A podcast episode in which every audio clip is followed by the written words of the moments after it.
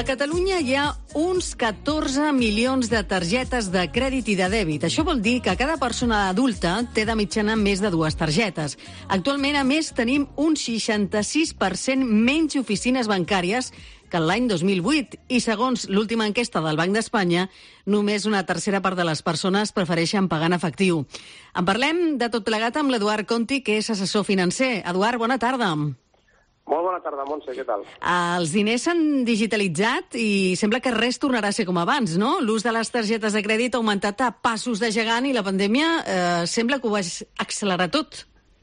Sí, les targetes de crèdit i de dèbit, tot això, com saps, ja fa molts anys que estan entre nosaltres, però s'està produint un fenomen d'una manera molt accelerada, que és la desaparició de, del diner efectiu, mm i, i el domini total de, del diner més digital, no? més, més intangible. Llavors, tot això fa que els pagaments per targeta, les compres online, tot això vagi guanyant moltíssim pes i, i a la vegada que té alguns avantatges, perquè els té, també té alguns uh, inconvenients i perills que hem de tenir molt en compte com a, com a consumidors. Doncs ara en parlem d'això.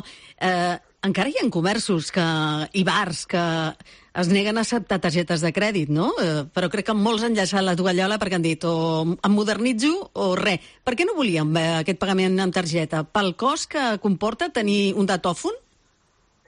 Mira, jo crec que la, la, una mica el, el pretext era aquest, no? Era dir, ostres, és que, és que això de les targetes tinc que pagar una comissió, mm. tal... Mm però també hi havia, jo m'imagino, eh, perquè no ho sé del cert, eh, m'imagino que també hi havia un component fiscal. Eh, D'alguna forma, com saps, el, la traçabilitat dels pagaments en efectiu és molt més complicada. Aleshores, tu pots tenir un negoci, si vas, fas cobraments en efectiu i no ho registres en lloc, doncs això doncs pots declarar uns ingressos inferiors.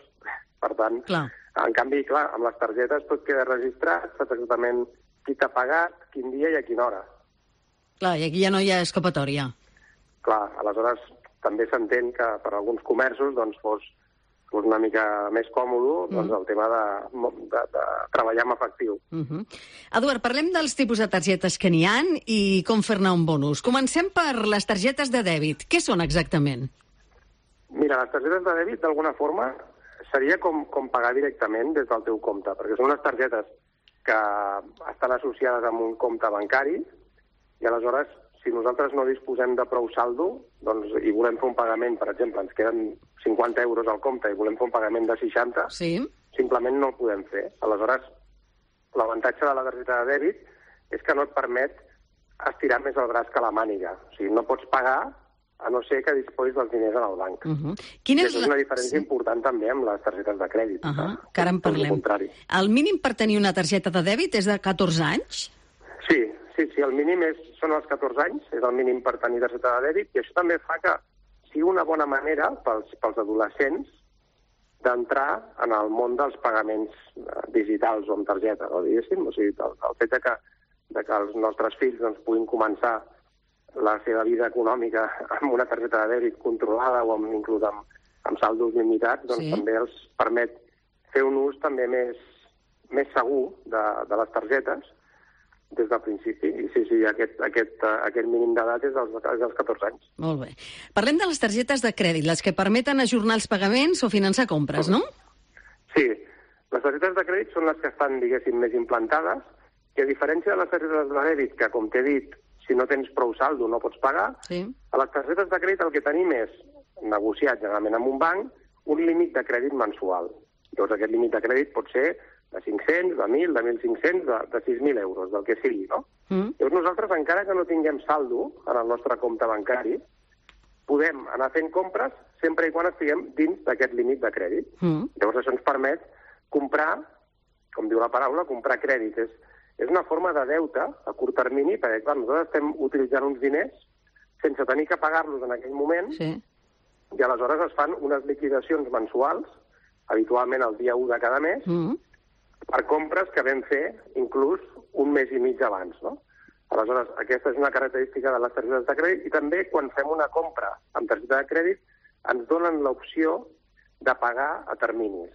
Pagar a terminis vol dir pagar en diversos mesos uh -huh. i generalment també a canvi d'un tipus d'interès. Aleshores ja és quan estem entrant amb una forma de deute que també té els seus perills, perquè generalment són tipus d'interès més elevats, sí Llavors, eh, també és bo mantenir una mica a ratlla les compres que fem amb targeta, sobretot quan, quan entra el tema dels terminis i dels pagaments amb, amb diversos, fraccionats en diversos mesos. Eduard, amb les targetes de crèdit podem treure diners del caixer, però eh, aquí el tipus d'interès acostuma a ser molt elevat.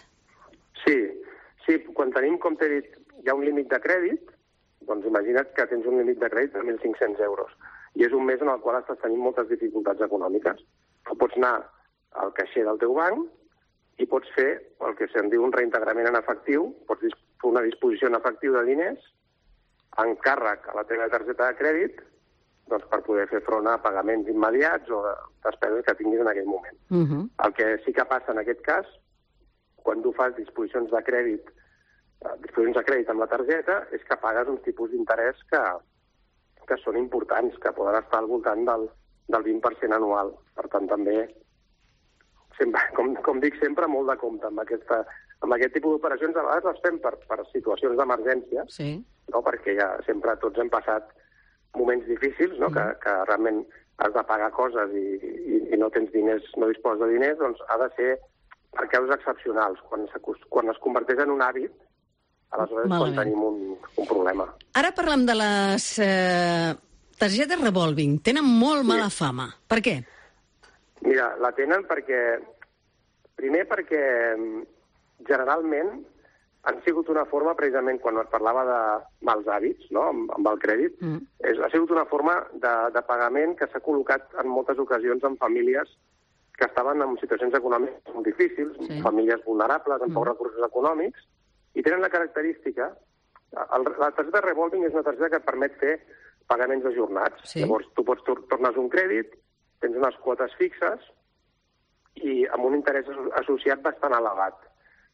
Tan elevat que inclús el Tribunal Suprem del nostre país eh, doncs va, va dictar fa, fa, fa poc temps una sentència que va declarar un, un tipus d'interès que era del 26 i pico per cent Sí, me'n recordo, sí. i ara mateix hi ha un munt de demandes judicials contra aquest tipus de targetes. La meva previsió és que aquest tipus de targeta, la targeta revolving, que té realment molta mala premsa i d'una manera molt justificada, Sí. jo crec que està en vies d'extinció perquè realment és, és una targeta, un tipus de targeta que jo sempre desaconsello a tothom que la tinguin perquè el que fas és això que té d'estirar més el braç que la màniga, doncs fer-ho de manera permanent, o sigui, cada mes, Clar. saps? Aleshores no t'està- no t'alliberes mai del teu deute, sinó que sempre estàs enganxat a anar tornant els diners que t'han deixat i pagar uns interessos elevadíssims. Parlem de les de prepagament o moneder. Aquestes són les que es van carregant i crec que també són útils pels menors d'edat, no? Sí, perquè això és com, com quan, quan tu li dones la setmanada amb, amb un nen o amb un adolescent, tu, tu li dones eh, no sé, 5 euros al, a la setmana, per exemple, tu li podries donar amb efectiu o li pots donar també amb una targeta moneder. Les targetes moneder o de prepagament tenen la mateixa forma que les targetes de crèdit, però són targetes que tu pots carregar una quantitat de diners i pots carregar simplement 5 euros, si vols. Ja. Aleshores, la persona que té aquella targeta es pot gastar aquests 5 euros, però no més. Molt bé. Per tant, és molt adequat perquè, perquè clar, perquè d'alguna forma és com si li donessis diners en efectiu. Això sí que és exactament com si li donessis diners en efectiu. Perfecte. A més a més, també se la poden també inclús descarregar, tenir-la en el mòbil, en, el, Mhm.